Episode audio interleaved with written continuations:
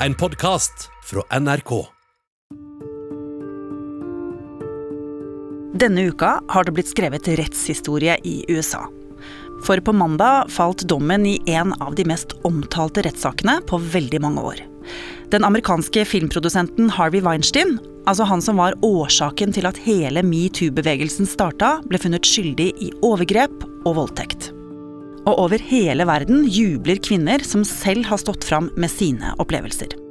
En av dem er Ragnhild Aas Harbo, den aller første metoo-varsleren i Norge. Selv om du er en mektig, rik mann, så betyr ikke det at du slipper unna. Og det er en ekstremt tydelig beskjed. Ja, det føles som en personlig seier òg. Men hvorfor var seieren over amerikanske Weinstein så viktig for henne? Og hvordan var det egentlig mulig å vinne denne rettssaken når kvinnene fortsatte å være venner med Weinstein etter at overgrepene skjedde?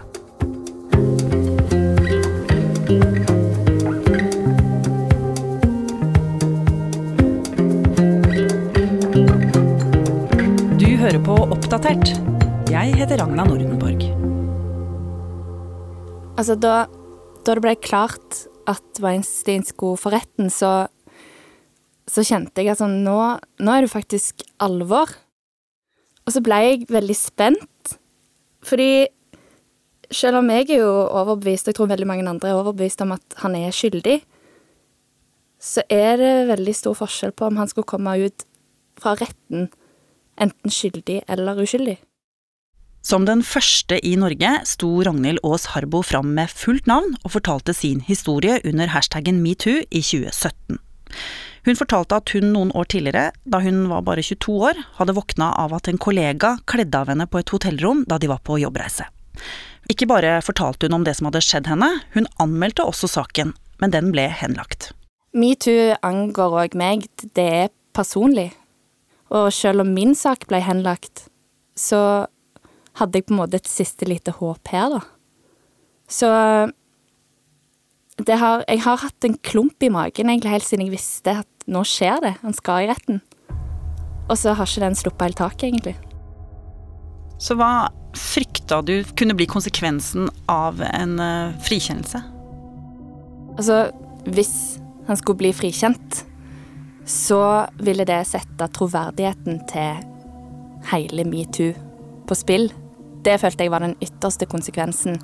Jeg tror det kunne blitt en slags dominoeffekt. Altså, fordi her har du den største skurken blant de alle. Hvis han er frikjent, hva da med han? Og han som har blitt anklaga, og han andre der. Altså, selv om en moralsk skal stå og se på dette og tenke at det de har gjort er feil, så er de jo på en måte uskyldige inntil det motsatte er bevist. Jeg frykter jo for min egen troverdighet. Harvey Weinstein produserte noen av de viktigste, eh, mest betydningsfulle og beste filmene som ble laget de siste 20 årene. Agnes Moxnes er kulturkommentator i NRK. Han dro inn den ene Oscar-prisen etter den andre. Kjente skuespillere, de beste regissørene, gode historier. I would like to thank Harvey Weinstein. If it wasn't for Harvey Weinstein, Bob Weinstein, God bless him. Harvey Weinstein, who believed in us and made this movie. Thank you, Harvey Weinstein, for putting your heart behind this film and shining the light on this. Men så kom 5. oktober 2017. New York Times hadde en svært gjennomarbeidet sak om Harvey Weinstein. Den var stappfull av historier om kvinner som gjennom en årrekke var blitt misbrukt og trakassert av denne berømte filmprodusenten.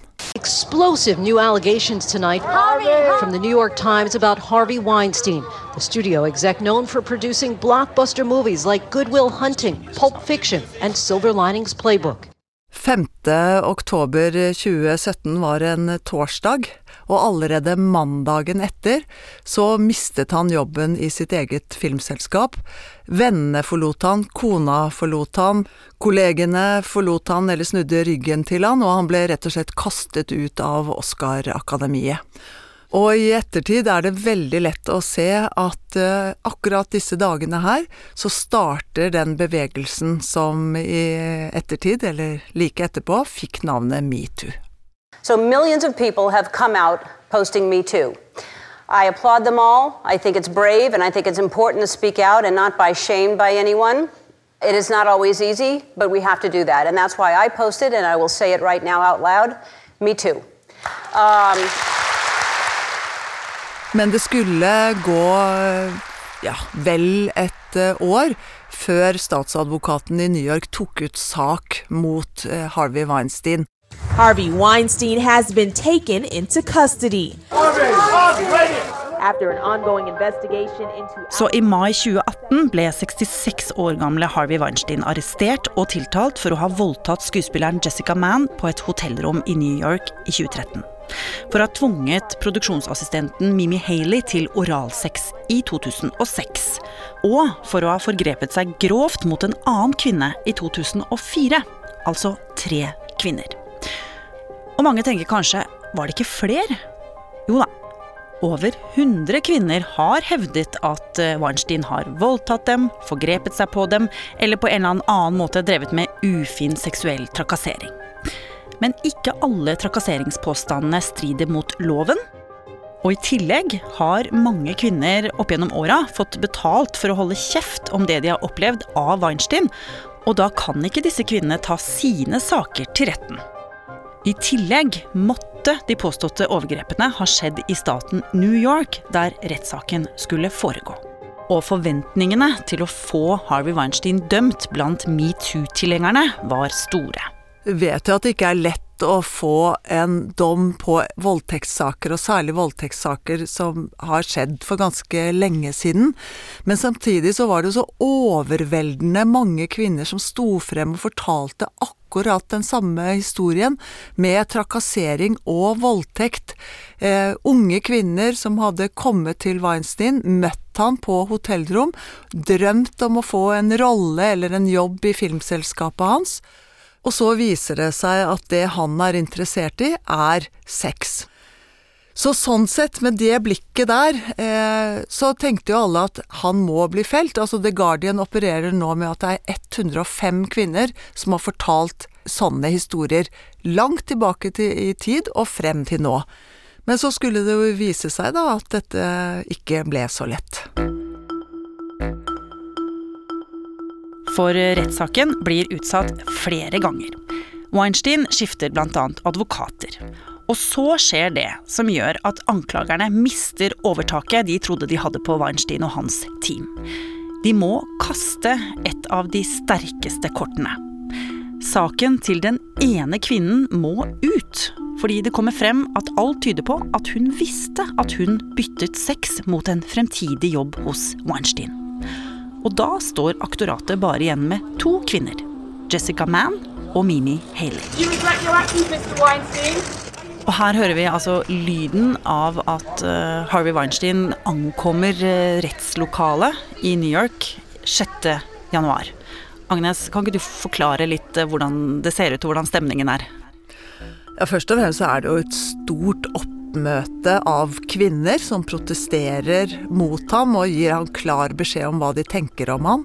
Eh, det er eh, pressefolk, masse fotografer og veldig mange nysgjerrige. Og ut av en bil kommer Harvey Weinstein selv. Eh, noen henter frem rullatoren hans, han kommer trillende inn. Han må ha hjelp til å liksom komme seg opp trappen. Forsvareren hans, Donna Rotuno, eh, som eh, av veldig mange etter hvert bare blir kalt Bulldoggen, eh, hun fører han opp trappene og inn i, i rettslokalet. Denne rullatoren hans fører jo til øyeblikkelig til veldig mange diskusjoner, og man mistenker han for at, han, at det er en rekvisitt nærmest som i en film. Og, og, forsvareren hun sier flere ganger bare se på han, se hvor svekket han er. Dette har gått veldig inn på han. Han er et offer for hele denne metoo-bevegelsen. Ok, Harvey Weinstein er på plass i denne rettssalen i New York City, på Manhattan. Der er også de to kvinnene som da skal eh, fortelle hva han har gjort mot dem. Angivelig har gjort mot dem. Mimi Haley hun er produksjonsassistenten hans, som eh, skal ha blitt eh, tvunget til oralsex med ham. Og så er det Jessica Mann, som er skuespiller, som forteller at hun har blitt voldtatt. Hvordan går det i rettssalen? De to kvinnene må fortelle sin historie. Eh, det er egentlig i utgangspunktet helt klassiske Weinstein-overgrepshistorier. Han har fått dem med på rommet og forgrepet seg mot dem. Men så er det Forsvarets oppgave å stille spørsmål ved disse to kvinnenes historier. Rett og slett prøve å frarøve dem all troverdighet. Og det gjør eh, forsvarerne med aggressive, pågående og veldig intime eh, spørsmål. Eh, det ene vitneavhøret tar åtte-ni timer, eh, og det blir eh, referert fra disse vitneavhørene at det er flere ganger at de har sammenbrudd. Eh, de blir stilt veldig, veldig intime og personlige spørsmål. Og smått om senn så rulles det opp en historie som ikke bare er et enkeltstående møte med et overgrep på et hotellrom, men det viser seg også at disse kvinnene har hatt et ganske langvarig forhold til Harvey Weinstein. Eh, de har skrevet hyggelige mailer til han, de har hatt sex med han etterpå. Eh, sånn at alt det vi forbinder med den klassiske voldtektssituasjonen som er brutal, voldsom, du løper til politistasjonen og forteller hva som har skjedd. Det er ingenting av det som passer inn i deres fortelling. Og det som skjer da både med de som sitter og refererer fra dette her, vi som leser referatene, det er jo at vi begynner å tenke hvordan skal dette egentlig gå?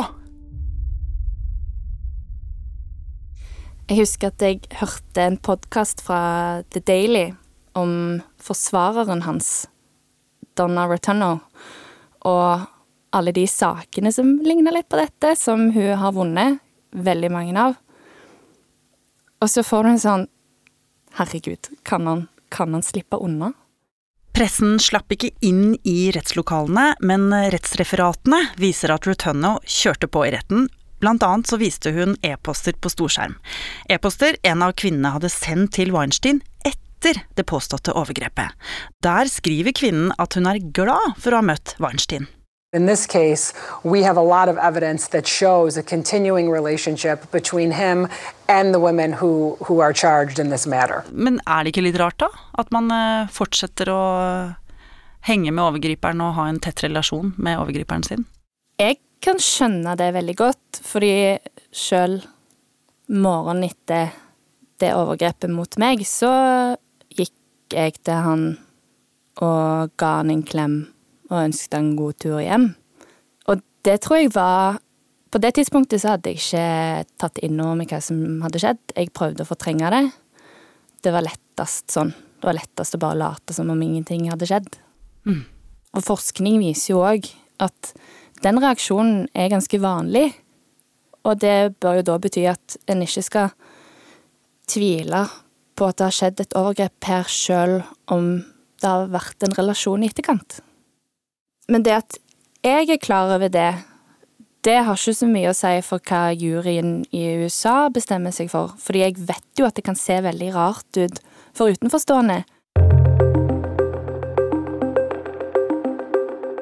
Det var hun jo absolutt ikke alene om, for det begynte rett og slett å spre seg en uro om hvilket utfall denne saken skulle få.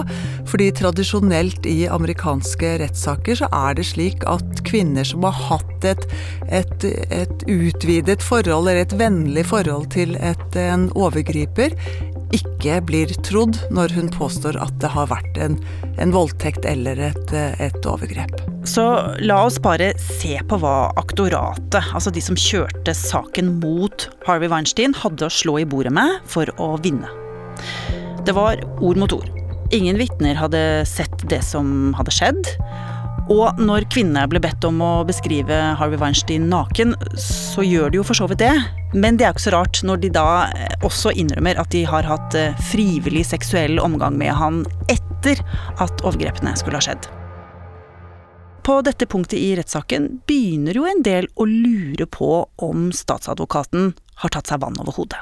Så Agnes, hva skulle de egentlig kjøre på med for å vinne denne rettssaken?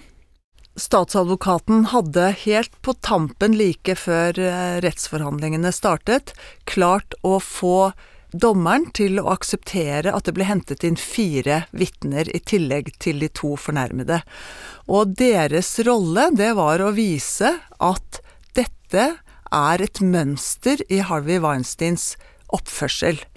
Eh, den eldste av de sakene er, er fra 1993, Annabella Sciora. Mange kjenner henne, for hun hadde en viktig rolle i Sopranos-serien. Og hennes historie om en dramatisk voldtekt gjorde nok et ganske kraftig inntrykk på juryen. Men ingen tekniske bevis, ingen eh, bilder, ingen vitner kunne de stille med? Nei, det handler rett og slett om disse kvinnenes troverdighet. Om de har det eller ikke. Og det skulle det vise seg at juryen mente at kvinnene hadde. We begin tonight with the Harvey Weinstein verdict, guilty of rape and criminal sexual assault. Tonight Weinstein is now behind bars. Og på mandag denne uka ble Harvey Weinstein funnet skyldig i to av fem tiltalepunkter. Han ble dømt for voldtekt av skuespilleren Jessica Mann, og for å ha tvunget assistenten Mimi Haley til oralsex. Men han ble frikjent for det mest alvorlige, bl.a. for å ha utnytta situasjonen sin som mektig filmprodusent til å gjentatte ganger forgripe seg på kvinner. Men Weinstein han har hele tiden hevdet at kvinnene var klar over at de byttet sex mot en mulig jobb, og at alt var frivillig. Men Agnes, selv om han kommer til å anke, det at eh, han ble funnet skyldig på tross av at eh, noen mente at påtalemakten og statsadvokaten hadde egentlig en ganske svak sak, hva betyr det? Det betyr rett og slett at verden har forandret seg litt. Eh, at de to kvinnene er blitt trodd. Det ville antageligvis ikke skjedd før metoo.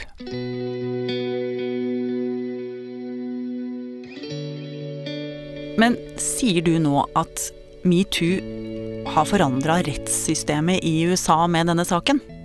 Det er kanskje å ta litt hardt i, men for å forstå det som har skjedd, så må man forstå at Harvey Weinstein levde i en verden som var rigget for å beskytte ham hele veien til rettsapparatet. Alle visste at han benyttet seg av makten sin og posisjonen sin til å forgripe seg på kvinner, men det var ingen som sa noe. Heller ikke de voldtatte kvinnene. Men det har de gjort nå, og det har virket. Jeg blei så letta. det var um, Jeg tror jeg følte det litt som en seier på så mange måter. En seier for de, en seier for alle som har vært opptatt av denne saken, og en seier for lille meg. Ja, hvorfor er det en seier for deg også? Jeg hadde jo aldri stått fram og snakka om mitt min verste opplevelse, det verste som har skjedd med meg noensinne, hvis det ikke var for metoo. At det plutselig var en plattform, det var et språk, det var en begynnende forståelse over dette problemet. Dette strukturelle problemet. Og jeg så det i en sammenheng som var at dette gjelder ikke bare meg.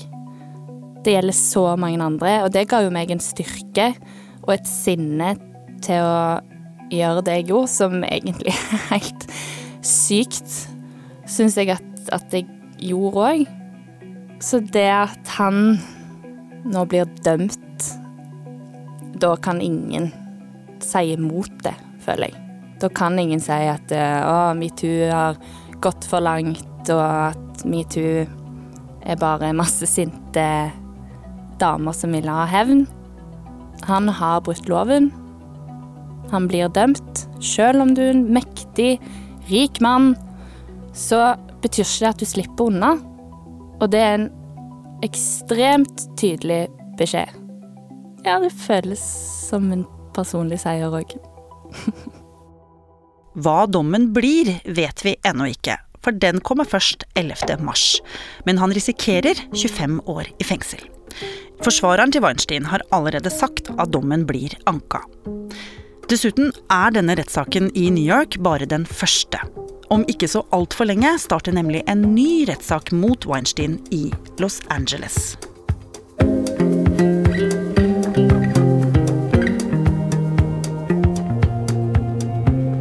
Oppdatert er en podkast fra NRK Nyheter. Og hvis du ikke vil gå glipp av neste episode, så kan du abonnere i appen NRK Radio, i podkastappen på iPhone, i Spotify eller på Acast. Bare for å nevne noen steder. Bare søk opp Oppdatert, så finner du oss. Denne episoden var laget av Katrine Nybø, Jørgen Vear, Rikard Sveen, Petter Sommer og meg, Ragna Nordenborg. Vil du kontakte oss, gjør det på oppdatert krøllalfa nrk.no. Hei, jeg heter Kari Hestemar og har laga podkasten Usagt. En serie der modige mennesker tar oppgjør med problemene sine fra fortida. Og gyver løs på det usagte og ugjorte i livet sitt. Usagt følger de på reisen gjennom vanskelige samtaler og gjenforeninger for å finne svar. Du kan høre serien i appen NRK Radio.